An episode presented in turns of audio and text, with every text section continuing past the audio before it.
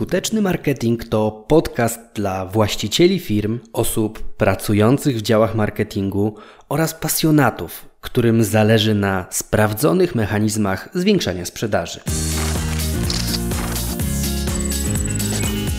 Tym razem 22 marketingowe rekomendacje na 2019 rok, ale nie tylko na 2019. Ten podcast jest efektem zebrania zespołu w biznes. Zapytałem każdą osobę o najważniejszy element w marketingu. No i w zależności od zajmowanego stanowiska różne osoby wskazywały na różne rzeczy. Nawiązała się z tego ciekawa burza mózgów i z mojej perspektywy część z tych podpowiedzi to tematy typu evergreen, które no praktycznie nigdy nie stracą ważności, ale część z tych podpowiedzi to po prostu trendy. No i to jest taki efekt naszej dyskusji, taka lista rekomendacji, którą zaraz omówię, co wiedzieć, co sprawdzić, jak myśleć o pewnych rzeczach, więc bez zbędnych opóźnień lecimy po prostu z tematem, ok? Więc podzieliłem dla uproszczenia cały materiał na kilka obszarów: na technologię, na komunikację, na ofertę, na markę, na social media i na rozwój, czyli takie dodatkowe rzecz. Więc w technologii, zacznę od niej, mam kilka elementów. Więc punkt pierwszy. Wszystko, co puszczasz w temacie reklam, w temacie nośników w internecie, sprawdzaj przede wszystkim na telefonie, a nie tylko na komputerze. I w szczególności dotyczy to tego, czy wszystko po prostu na telefonie komórkowym dobrze wyświetla się. Niektóre strony po prostu nie są responsywne, niektóre grafiki na Facebooku, no niestety źle wyświetlają się, są malutkie i szczególnie na przykład dotyczy to Facebooka, w którym lepiej publikować pionowe grafiki niż poziome, bo takie zajmują dużo więcej miejsca na ekranie. Kolejna z tych podpowiedzi, numer dwa, to zbieraj dane od każdej możliwej osoby i regularnie wysyłaj do nich komunikaty. I tu ważna podpowiedź, że im możesz sobie pozwolić na to, żeby rzadziej sprzedawać, a bardziej edukować, informować, czy też dawać rozrywkę, tym lepiej dla Ciebie. Punkt trzeci. Nie wystarczy jeden kanał. Żyjemy w świecie rozproszeń, co pewnie czujesz i po sobie. Dlatego skuteczny komunikat to taki, który wielokrotnie pojawia się w wielu kanałach. Oczywiście zawsze też musi być dostosowany do specyfiki danego kanału. Czwórka. Przy okazji, sprawdzając strony internetowe, warto sobie zobaczyć, czy posiadamy SSL, czyli takie zabezpieczenie według protokołu HTTPS. Jeżeli nie mamy takiego SSL-a, to pojawia się nam komunikat, że nasza strona jest niezabezpieczona, co no na pewno nie budzi zaufania naszych y, przyszłych klientów. Piątka. Ścieżka od świadomości istnienia rozwiązania do finalizacji zakupu trwa no, dzisiaj coraz dłużej. Dlatego warto pamiętać o tym, żeby mieć przygotowany lejek sprzedaży, czyli coś takiego, co możemy klientom, wprowadzając ich na starcie, dawać kolejne porcje informacji, tak żeby na koniec kupili. Dlaczego to jest ważne? No bo często zapominamy o tym, że my jesteśmy takimi samymi ludźmi jak nasi klienci i samo mało kiedy rzucamy się od razu do zakupu, e, rzucamy się na promocję, czasami po prostu musimy dowiedzieć się więcej. Teraz przechodzę do części komunikacyjnej. Szóstka. Wpadając w szał tworzenia lejków, to a propos poprzedniego punktu, pamiętaj o tym, że są klienci, którzy mimo wszystko kupią tu i teraz. I są to najczęściej tacy klienci, którzy do ciebie zadzwonią i po prostu zapytają, gdzie się płaci. I miej też rozwiązanie dla nich. Na przykład przygotuj wyraźny numer telefonu gdzieś u góry swojej strony internetowej, aby ktoś mógł się z Tobą skomunikować. Punkt siódmy. Pytaj o opinię i proś o rekomendacje. Ludzie raczej sami tego nie zrobią, ale gdy ich już poprosisz, to z ogromnym prawdopodobieństwem wystawiam Ci taką opinię, na widok której po prostu szczerze się uśmiechniesz. Punkt ósmy. Przypominaj ludziom w trakcie rozmów, że warto Ciebie obserwować w internecie, bo angażujesz się w social media, robisz dobre materiały, może komuś płacisz, aby Ciebie reklamował w internecie, więc powiedz ludziom, z którymi rozmawiasz, żeby odszukali Ciebie, zaczęli Cię obserwować, do, doszli do Twoich fanów na Facebooku na przykład. I z czego to wynika? No bo na 100% nie pamiętasz firm, w których, wszystkich firm, w których robisz zakupy, a z dużym prawdopodobieństwem mógłbyś coś fajnego u, się, u nich ponownie kupić, gdyby tylko te firmy wykazały chociaż minimalną inicjatywę, aby się Tobie przypomnieć. Zrób to w stosunku do swoich klientów, niech oni Cię zaczną obserwować, zaczną być Twoimi fanami w mediach społecznościowych i to będzie przekładało się na to, że z większym prawdopodobieństwem po prostu do Ciebie wrócą, żeby coś ponownie kupić. I teraz punkt dziewiąty. Rozmawiając z ludźmi, zadawaj pytania pogłębiające. Bo często, jeżeli pytasz, czy to ich interesuje, oni tam odpowiadają, że nie, nie teraz i te wszystkie inne dziwne rzeczy, które się pojawiają. Więc nie gódź się na oczywiste odpowiedzi. Czasami trzeba po prostu zapytać, a dlaczego tak, a co skłoniło, a co było wcześniej, a co było później, a w jaki sposób oni do tego podchodzą. I to, co często słyszymy na samym starcie, tej konwersacji, na samym starcie tych odpowiedzi, które otrzymujemy, to jest po prostu ładne, ubrane wytłumaczenie. Warto dociekać i często dzięki temu lepiej można pomagać naszym klientom, tworząc na przykład materiały do internetu. Ja na przykład stworzyłem ten podcast zadając akurat pytania nie moim klientom, a pracownikom, z którymi pracuję, moim współpracownikom i właśnie dzięki temu powstaje to, co teraz słyszysz. Dziesiąty punkt. Postaw się w roli klienta, i to jest mega ważne, ubierz jego buty i zastanów się, po co mi to, co sprzedaje, po co mi to, co ktoś mi chce sprzedać. I to znowu jest, wracam do tego, co było przed chwilą, że jesteśmy bardziej podobni do naszych klientów niż nam się wydaje.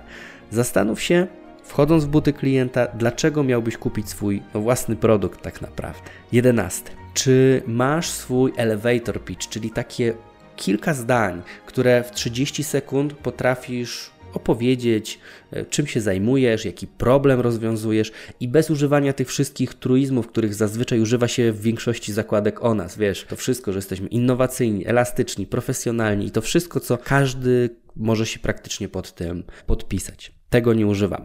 Dwunastka. Pisz i jak najczęściej w temacie oferty, bo to jest teraz ten dział, pisz o efektach swoich działań.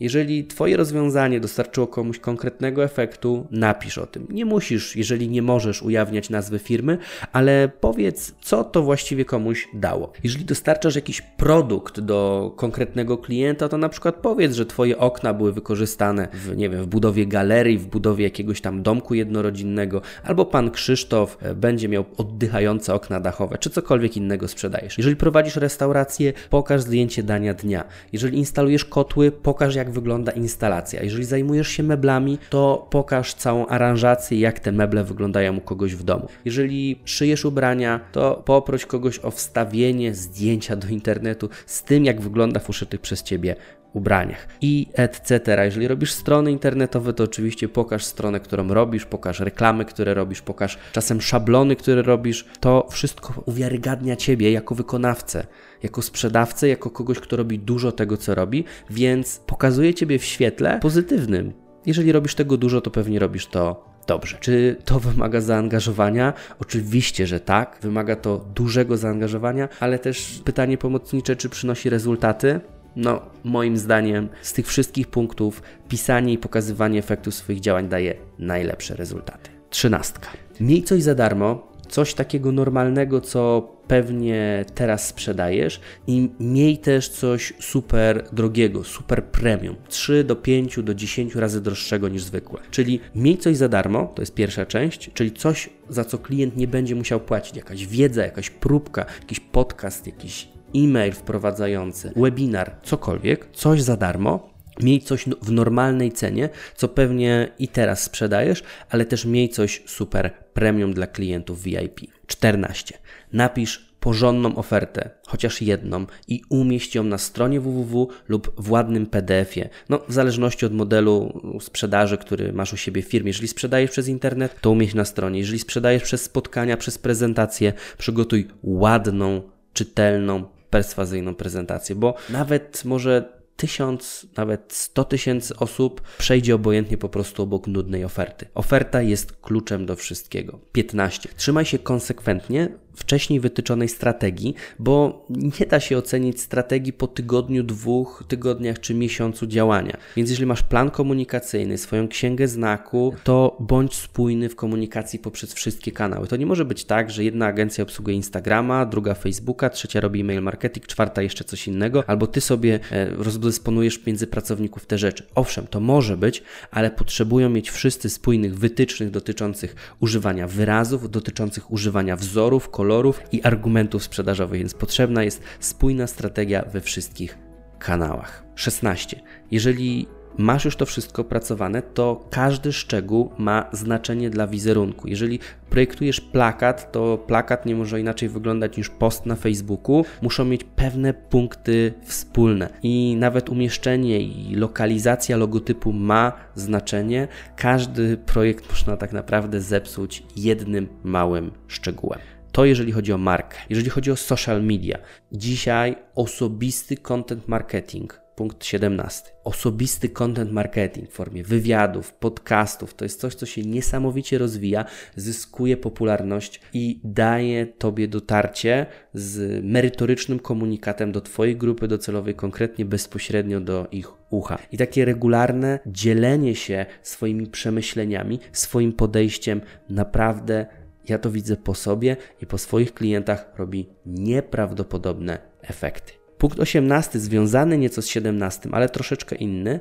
to jest to, żeby dokumentować to, co robisz każdego dnia. Możesz to robić w formie Instagram Stories, jeżeli to jest coś takiego, wiesz, tu i teraz ważnego, mm, a jeżeli są jakieś ważne wydarzenia, to możesz je zrobić w formie postów, bo to będzie aktualne również później. Ale przede wszystkim, to co jest tutaj kluczem, pokazuj autentyczne zdjęcia, a nie stoki. Stoki, czyli takie kupione zdjęcia, gdzie ta sama uśmiechnięta pani w słuchawkach jest we wszystkich możliwych firmach. Autentyczność, nawet ta niedoskonała, jest lepsza od udawanego piękna. I teraz punkt 19, jeżeli chodzi o social media, to rób to regularnie. Albo zatrudnij kogoś, kto zrobi to regularnie po prostu za ciebie, bo źle wygląda fanpage, źle wygląda firma, która ostatni post umieściła 9 miesięcy temu. Nie do końca wiadomo, czy ona jeszcze istnieje, czy nie. Jeżeli planujesz zakończyć publikację w jakimś medium, to wrzuć jakiegoś posta, że ze względu na dynamiczny rozwój firmy nie masz czasu już prowadzić tego Facebooka, nie masz czasu prowadzić tego Instagrama, Twittera, LinkedIna czy cokolwiek innego i przekieruj, nie wiem, na numer telefonu, na stronę internetową i powiedz, że tam są aktualne informacje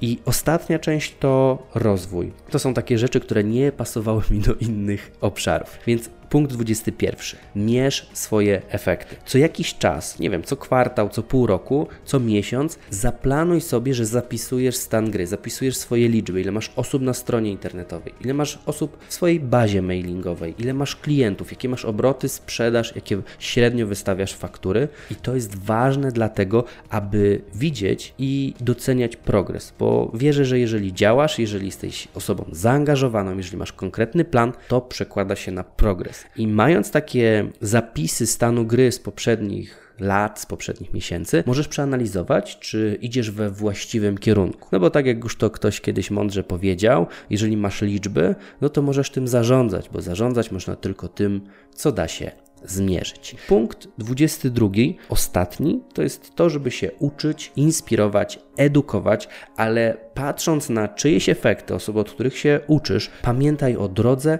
zaangażowaniu i poświęceniu niezbędnym, aby dotrzeć do tego miejsca, w którym oni są. To nic nie dzieje się z przypadku, z jakiegoś coś komuś spadło z nieba, to wszystko wymaga ogromnej pracy. Więc jak pewnie widzisz, zebrała się ogromna, właściwie może nie ogromna, ale spora lista 22 e, podpowiedzi.